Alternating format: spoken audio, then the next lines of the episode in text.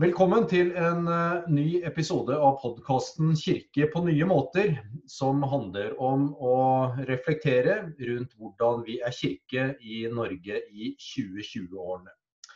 Og med meg i dag på Zoom har jeg Øyvind Haraldseid, som er generalsekretær i Misjonskirken Norge. Velkommen, Øyvind. Takk skal du ha. Det er fint å ha deg med her, og fint å se deg igjen her også. Selv om på podkasten så vil ingen av oss synes, men vi ser hverandre nå, og det er godt. Vi har jobba sammen eh, bl.a. i Norges kristne råd eh, i noen år. Ja. Jeg må innrømme at jeg har eh, det er kanskje ikke helt riktig å si vært litt misunnelig, for det skal man jo ikke være. Men vært imponert over og inspirert av Misjonskirken og en del av det dere har, har fått til. Og Det er bakgrunnen for at jeg har lyst til å ha denne praten her med deg. Men aller først, kan ikke du si litt om uh, hvem du er? Jo, det kan jeg gjøre. Uh, jeg er altså generalsekretær i Misjonskirken Norge. Jeg har vært det siden uh, eh, 2012.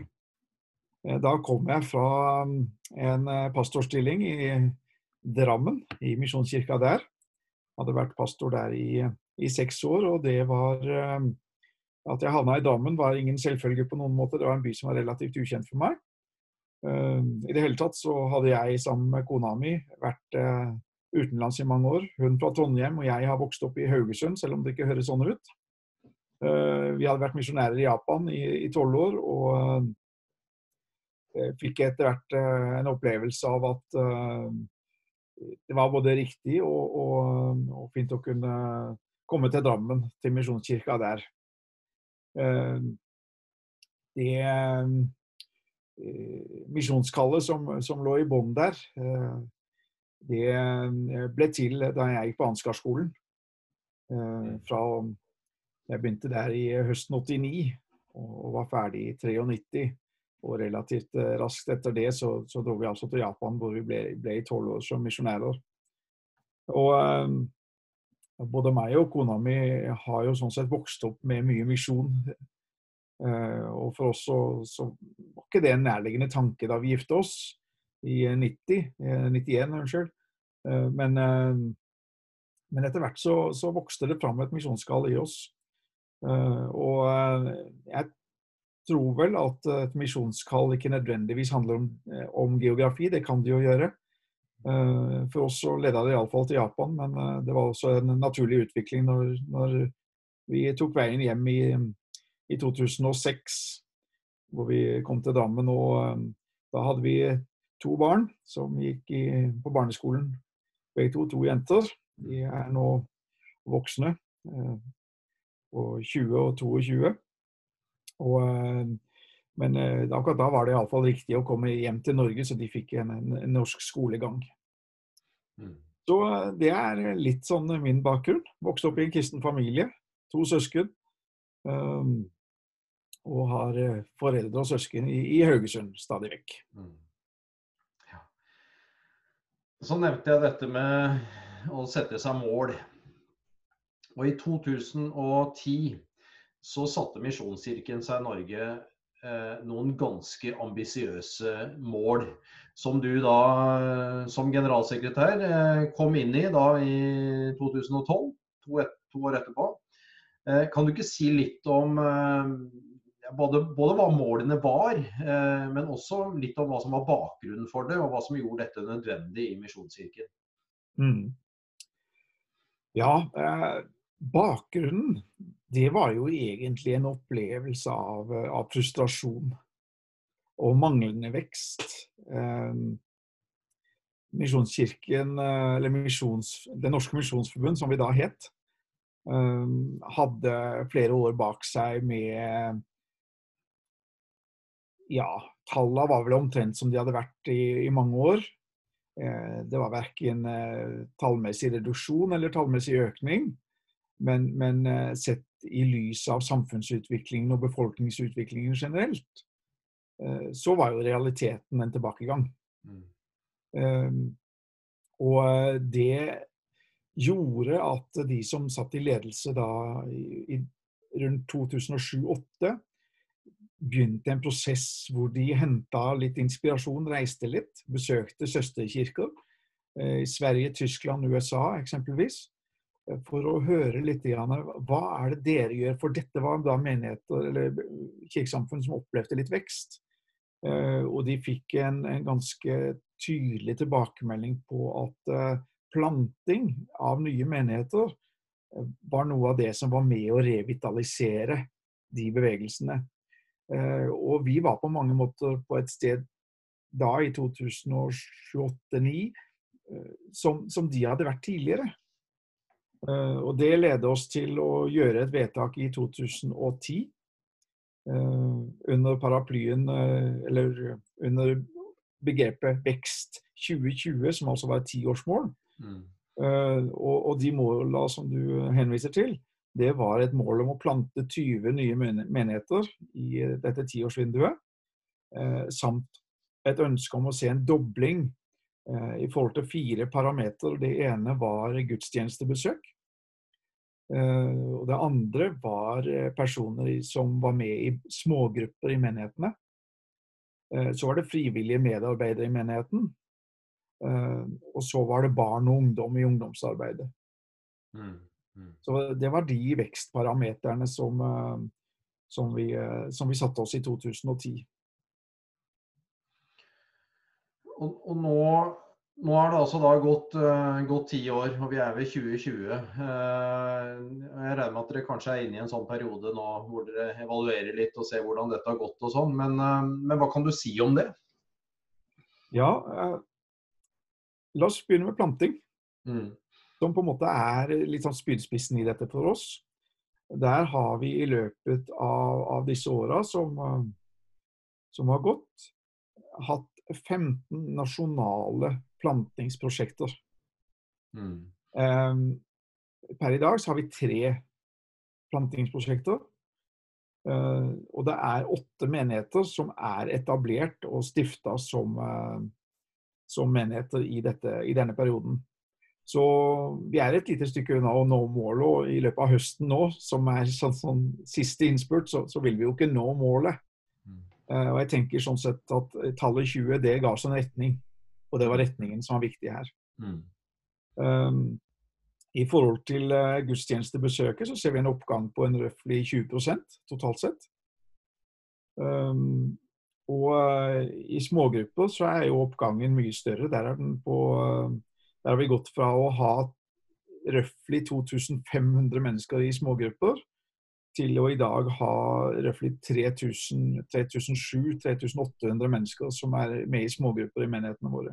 Mm. Eh, fri, frivillige medarbeidere, der har vi nesten dobla, faktisk. Um, og i barne- og ungdom. Så det har vært vekst på alle parameterne. Det har det. Mm. Um, vi har jo ikke hatt en ambisjon knytta til å vokse som trossamfunn og medlemmer i trossamfunnet, men, men, vi ser allikevel en vekst på rett under 1700 medlemmer i trossamfunnet på ti år. På ti år, mm. ja. Mm. Så, så Eh, en kunne jo sikkert Og kanskje skulle vi være litt strenge og si at ja, vi har ikke nådd målet, jeg er skuffa, men, men uh, i, i, lys av den virkeligheten som vi lever i, som er uh, hvor, hvor, det ikke er en, en, skal ikke ta det for gitt at det vokser. Så tenker jeg at det er noe positivt her. Mm. Mm. I det at det er en positiv endring. så kan vi alltid ønske oss at den hadde vært sterkere. men status i 2010 var jo at vi hadde ikke noen ressurser utvikla i forhold til menighetsutvikling, som vi har jobba mye med.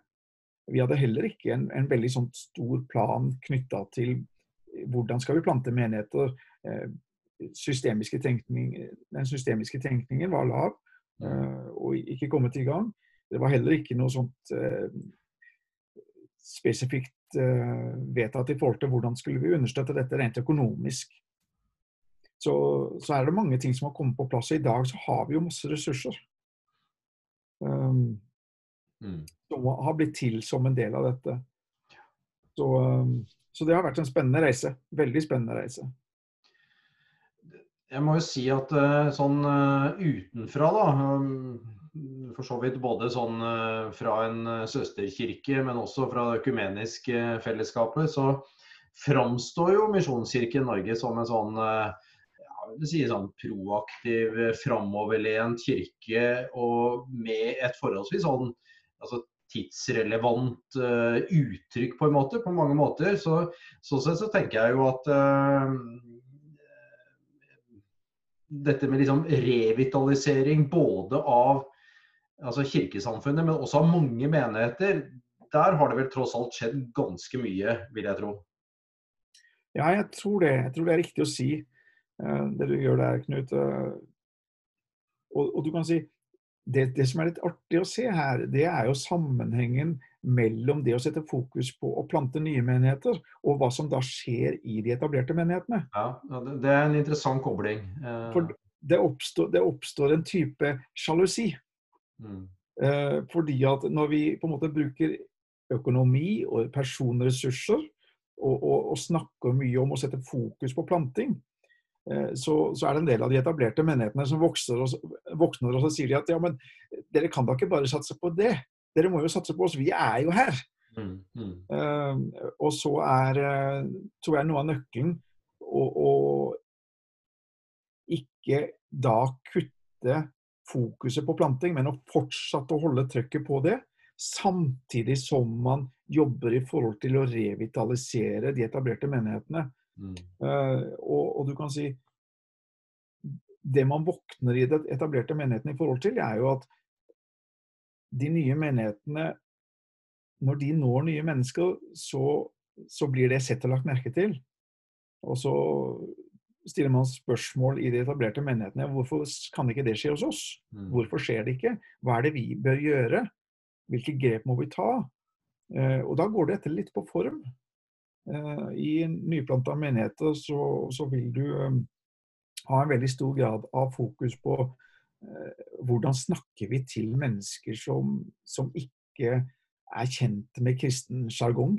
Mm, mm. eh, ikke sant? Altså, du, du, drar på en måte kommunikasjonen ned på et nivå hvor du bevarer integriteten i forhold til innhold og budskap, men, men du ser på formen.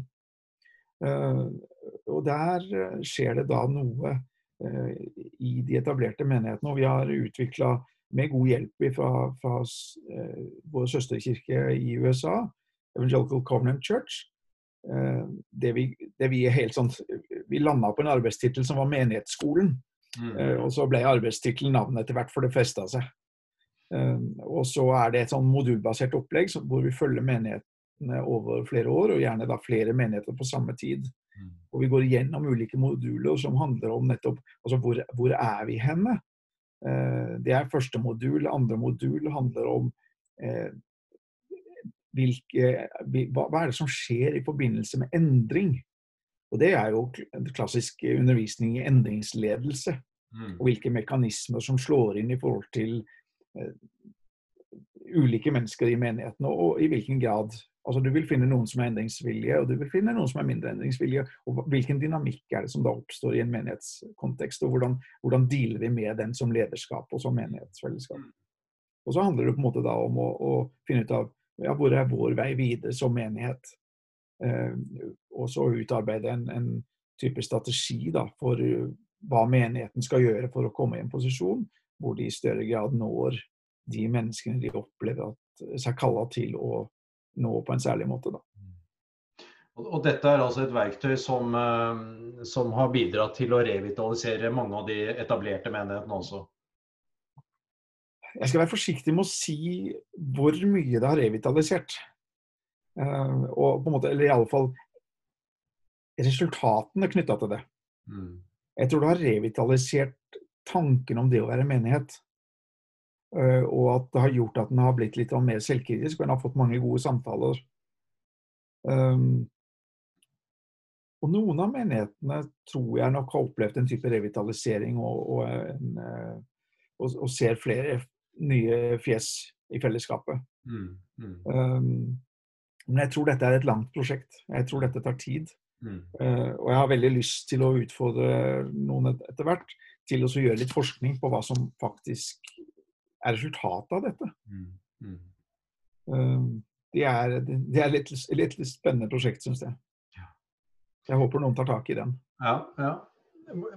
Hvis du skal tenke litt sånn eh, altså Hva har vært de viktigste grepene da, dere som kirkesamfunn har gjort for å på en måte eh, komme i gang og få, og få gjort de endringene? Altså eh, sentral styring eh, kontra dette med liksom, initiativ som kommer nedenfra, liksom. Eh, allokering av ressurser, personell og sånne ting. Hva kan du si om det? For det, det, er gjort en del beslutninger her også som har vært ganske avgjørende, vil jeg tro.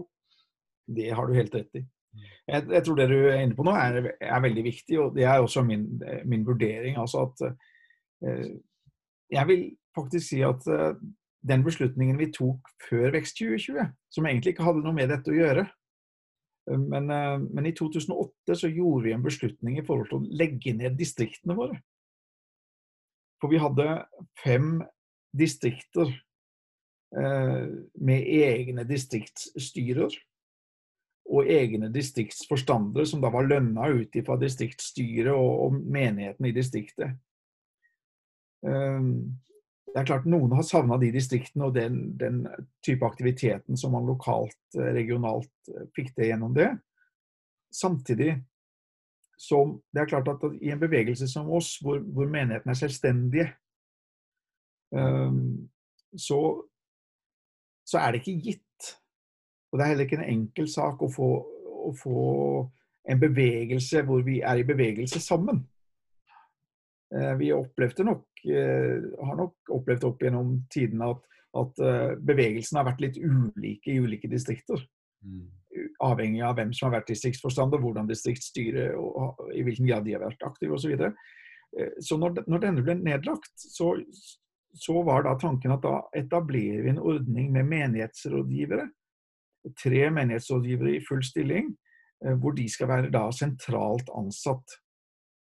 Og da fikk vi en, en, egentlig en avdeling ved hovedkontoret eh, hvis hensikt er å betjene menighetene og understøtte dem i, i initiativ de har. Um, og du kan si den kompetansen som vi har bygd i forhold til både planting, menighetsutvikling og andre ting, mm. den har vi kunnet gjort fordi at nå har vi plutselig en, en gruppe arbeidere eh, som over tid jobber jobber og jobber sammen. Mm. Ikke hver for seg, men de jobber sammen. Det er et, et kollegafellesskap. De møtes fra tid til annen og har temadager eh, osv. Eh, det, det har muliggjort utviklingen av en hel masse ressurser som, som jeg mener hele fellesskapet nyter godt av i dag. Mm. Så det er en sånn strukturell eh, organisasjonsmessig endring som har vært viktig for oss. Mm. Um, og kanskje er det den faktisk mest avgjørende uh, beslutningen som vi tok, altså. Men den, den, hadde ikke noe med det som fulgte etter. Men, men, jeg mener at uh, vi ser tydelige spor av at dette var en riktig og god, uh, en riktig og god vei å gå, altså. Mm. Mm. Og så har vi jo da som en del av eh, altså Når vi vedtok Vekst 2020, så vedtok vi jo disse måla, ikke sant. Mm, mm. Hårete mål og det å ha Altså kraften i det å ha et mål, det har blitt veldig tydelig for meg. Mm, mm. Eh, det, det, gjør en enorm forskjell. Eh, for det er klart, i lys av de måla, så De ble vedtatt på generalforsamlingen og på påfølgende sommerstevne, Liv og vekst, etterpå så, så, kom plutselig folk bort til eh, Ikke meg, for jeg var ikke i den posisjonen på det tidspunktet, men til, til andre som hadde vært en del av dette, og så sa at du, disse måla, det er veldig bra, men hvordan kommer vi dit? Mm, mm. Eh, ikke sant? Eh, og da begynte den kreative prosessen i forhold til ja, men hva trenger vi av redskaper, hvordan utvikler vi hvilke systemer, eh, hvordan skal vi sørge for at det er økonomi nok, eh, osv. Eh, og dette her har da vært et sånt arbeid som har gått over tid, og hvor en har lagt stein på stein.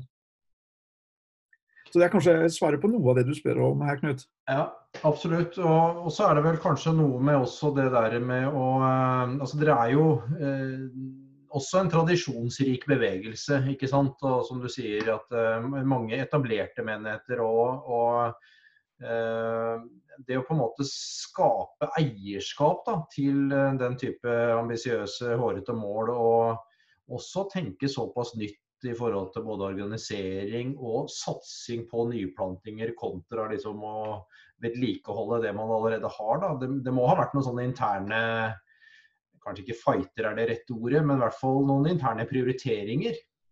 Som det, det er, kan være krevende å, å skape oppslutning om, vil jeg tro.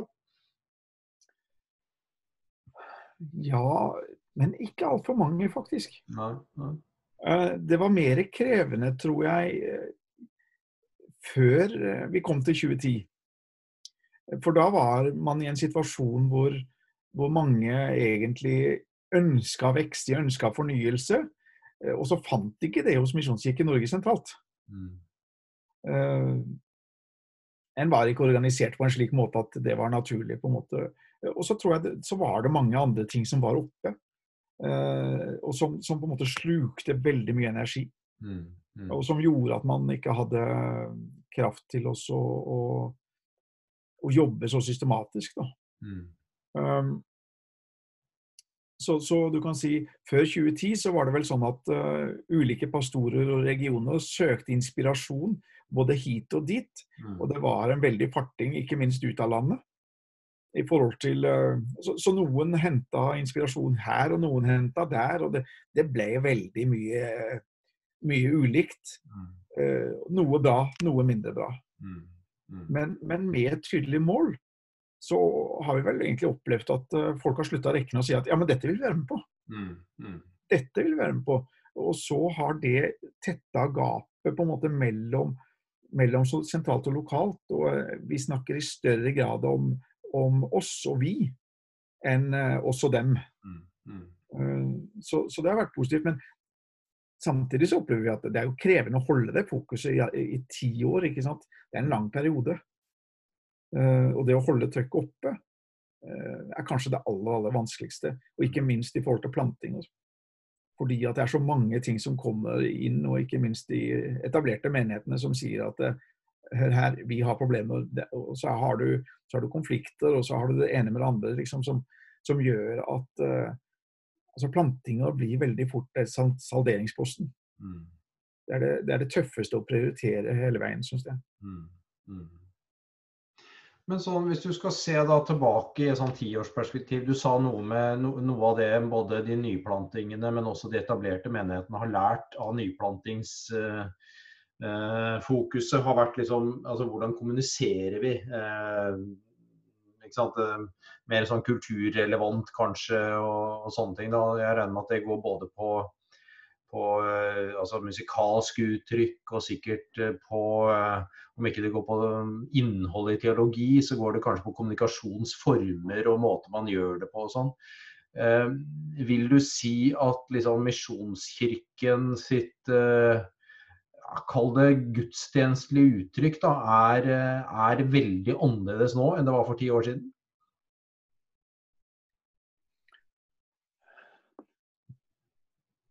Det vil nok variere en del fra menighet til menighet. Mm, mm. Um, men ja, det er, altså det er jo alltid endring. Um, men det er et relativt uh, Altså du kan si, ja, Går vi ti år tilbake, da, så, så, var det nok flere menigheter hos oss som, eh, som brukte salmebok, mm. eksempelvis. Eh, og som forholdt seg til på en måte vår salmetradisjon. Eh, jeg opplever nok at det her eh, har endra seg mye. Mm. Eh, jeg kan ikke huske nesten sagt sist jeg satt med salmebok i noen av menighetene våre. Mm. Og å si sang altså det, det, som synges, det er, det er relativt kontemporært, altså. Mm, mm. Uh, og, og, man henter impulser både herfra og derfra. Uh, men uh, du kan si det som jeg opplever at iallfall uh, jeg hører respons på, når det er mennesker som ikke er kirkevant, som, som er på en gudstjeneste i vår sammenheng, så er noe av den tilbakemeldingen jeg får oftest, er at ja, men her, det snakkes jo et språk som, som oppleves litt sånn hverdagslig. Mm, mm. Um, om det er en direkte konsekvens av Vekst 2020 og tenkninger og prosesser rundt det, eller om det er bare uh, Ja, nei, det er, det er, litt vanskelig å si hva som er årsak-virkning her. Mm. Men det er i alle fall noe av det som, som kjennetegner mange av menighetene våre. opplever. Mm. Mm. Sånne uttrykk som eh, altså, Vi snakker om misjonal kirketenkning og mm. sånn. ikke sant? Og Kirken som uh, deltaker i Missio Dei osv. Og, så og. Det er jo noe av den der bevegelsen som handler om en Kall det en gjenopptakelse av den lokale menighetens plass i Guds misjon, da, på en måte. mm. Og som gjør at vi kanskje blir mindre innadvendt og mindre opptatt av å liksom diskutere sånne interne ting som vi på en måte har diskutert i årtier. Og liksom tenker mm. hva Nei, nå skal vi ha fokuset vårt et annet sted, på en måte.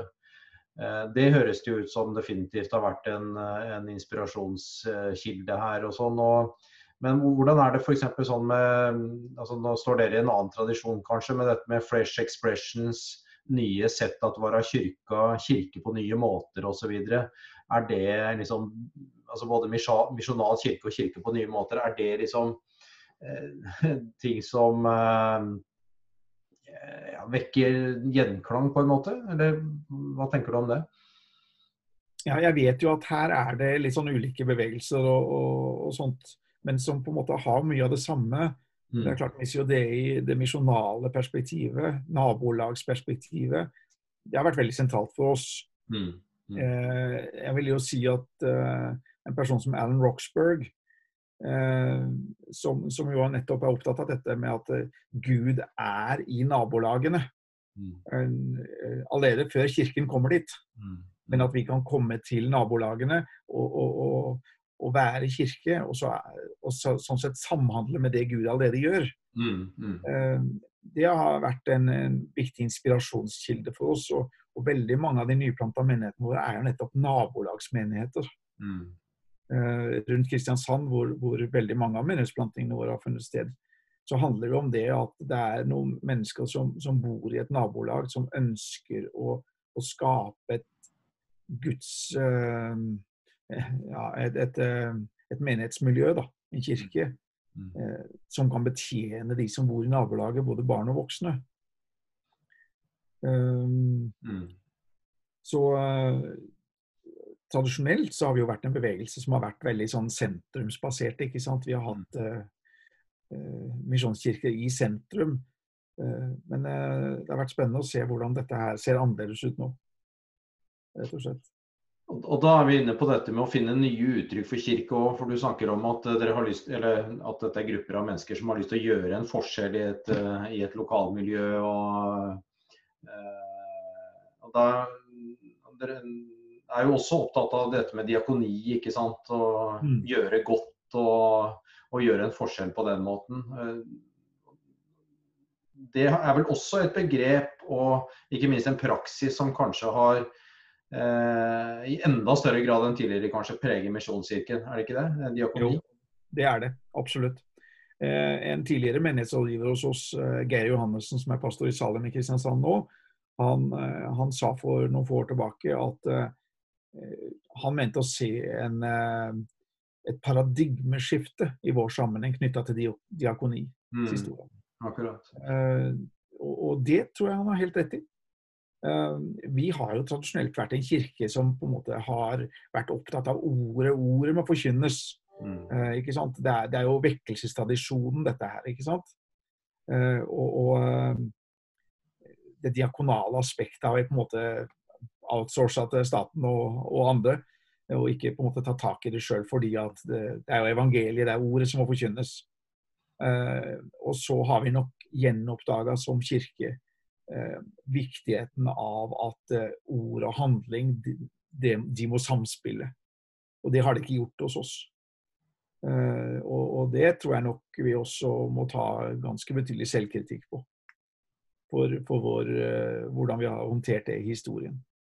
Vi har ikke vært flinke i det diakonale. Dvs. Si, eh, jeg tror vi alltid vi har eh, vært eh, ja, mer eller mindre gode til å møte mennesker og hatt en fokus på det, men sånn utover det mm. så har vi hatt veldig lite.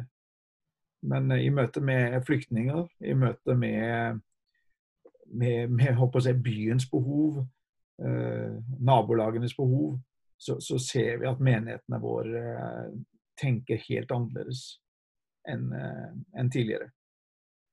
Det er kanskje også et sånn type generasjonsopplegg, muligens. Altså, jeg syns jeg ser det litt hos oss at en del av de liksom yngre generasjonene hos oss som liksom tenker at Eller som, som virkelig sånn fascineres av og vil være med på en sammenheng som tydelig sier at nei, vi vil en forandring i verden. Og mm. hos oss så gir vi muligheter til å være med på å gjøre verden til et bedre sted. Ja. Og hvis ikke, hvis ikke, Kirken gjør det, så finner jeg en annen kirke, på en måte. Ja, mm. ja det, det, det, er veldig gjenkjennelig. Mm. Og, og når, du akkurat, når, du sier det på den måten der, så, så, tenker jeg at den generasjonen som sitter i lederskapet i dag, i veldig mange menigheter, de har oppdaga diakonien. Men de har ikke oppdaga i den grad dette som går på klima og miljø. Nei, okay. Da tror jeg vi må ned til neste generasjon igjen. Mm. Eh, så når de kommer i posisjon, så vil vi få et enda bredere og, og, og mer omfattende diakonalt begrep, tror jeg. Mm, mm. Og dette er en spennende utvikling som, som skjer. Mm. Interessant at, å høre også fra Metodistkirken på det. Det er nok mye av det samme som skjer, og det er vel eh, også et uttrykk for at vi eh, altså Som frikirker i det norske samfunnet så har vi liksom ganske mange likhetstrekk i historien og på en måte hvordan vi har framstått også. Da. selv om vi kanskje har henta litt inspirasjon i ulike steder, så, så, har vi på en måte blitt henvist til noe av den samme posisjonen kanskje i samfunnet også, med en sånn ja. dominerende eh, majoritetskirke, liksom. Så men hvis du skal eh, se nå litt da, på de siste, de siste månedene nå, Øyvind, med koronasituasjonen osv. Vi snakka litt sammen før vi, før vi starta opptaket her om, eh, om at dere også virkelig har, eh, har gjort noen nye erfaringer nå som, eh, som, dere definitivt vil ta med dere videre. Eh, kanskje har det noe med å bli tvunget til å tenke annerledes? Det, det har jo det. Eh, det er klart at eh, plutselig så havner vi i en situasjon hvor endringsledelse ikke bare skal leses om og studeres, men vi skal faktisk gjøre noe, og vi må gjøre det fort. Mm, mm. Eh, så det ble jo en veldig bratt læringskurve for mange. For noen var dette lett som en lek, og noen hev seg rundt og, og, begynte å produsere og tenke digitalt med en gang. Mens for andre så, så, så det, tok det litt lengre tid. Men summa summarum mm. så må jeg jo si at uh, ikke bare for vår kirke, men, eh, men, kirkene generelt har jo tatt denne utfordringen og kunne betydd noe for, dette, for, for, samfunnet i denne tida på en måte som har imponert meg veldig.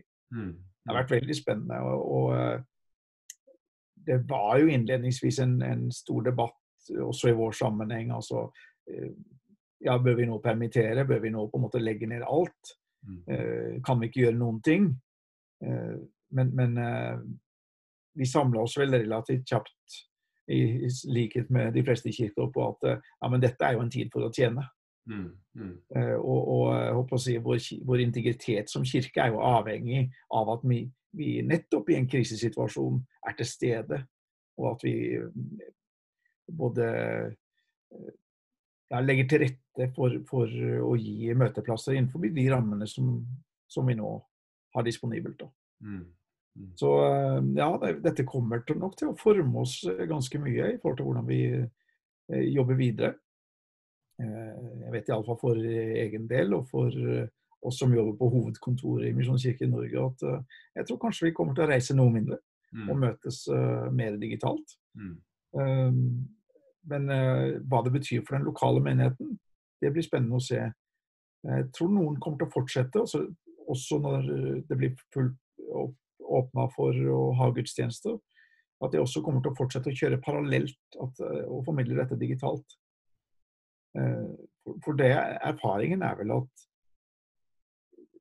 vi når så utrolig mye lenger gjennom digitale plattformer. Og de som ikke våger seg over dørterskelen, verken i en smågruppe eller uh, i en gudstjeneste, mm. de kan trygt omslutta av sin egen sofa og med sin egen datamaskin eller mobiltelefon i fanget, være til stede og så se. Og mange har jo gitt tilbakemeldinger på at det har betydd mye. Mm. Så Og det å gi folk den muligheten, kanskje kan det gjøre dørsterskelen til, til menighetene mye, mye lavere, egentlig. Fordi at folk har allerede blitt litt kjent med menigheten. De har hørt eh, pastoren og, og ja, vet hva en kan forvente seg. Mm. Så det kan skape trygghet. Mm. Ja, sånn sett har det vært en, en spennende tid, lærerik tid, og med som du sier, bratt læringskurve. Men uh, jeg tenker i hvert fall for, uh, for vår del så er det noe med liksom den derre uh, som gir litt sånn håp i det også, handler jo om det at vi, vi, vet noe om at vi må leve i stadig forandring, på en måte. Og denne koronasituasjonen har lært oss noe om at når vi må, så får vi det jo til. Mm. Uh, så, så, vi får ta med oss det. Jeg uh, har lyst til å takke deg, Øyvind, for, uh, for praten og for, for den inspirasjonen faktisk som jeg opplever at Misjonskirken er inn i kirkelandskapet i Norge. Tøft, ambisiøst å sette seg sånne mål for ti år siden. Og jeg vet noe om hvordan dere har jobba med det og blitt inspirert av det underveis. Og veldig fint å høre deg snakke om det nå. Eh, eh, og hvordan dette både har ført til nye menigheter, men også en revitalisering av eksisterende menigheter. Og, og ikke minst den der bevegelsen, retningen som du eh, som jeg hører at du er kanskje mer opptatt av enn liksom de nødvendige tallene og alt det der. Det er statistikk, og det kan uh, leses på mange måter. Men retningen og liksom den andre, uh, en sånn annen måte å tenke om det å være kirke på, uh, er, er, utrolig spennende. Også. Så um, takk for disse glimtene inn i Misjonskirkens verden. Og så får vi ønske hverandre lykke til i den fortsatte felles tjeneste i det norske samfunnet.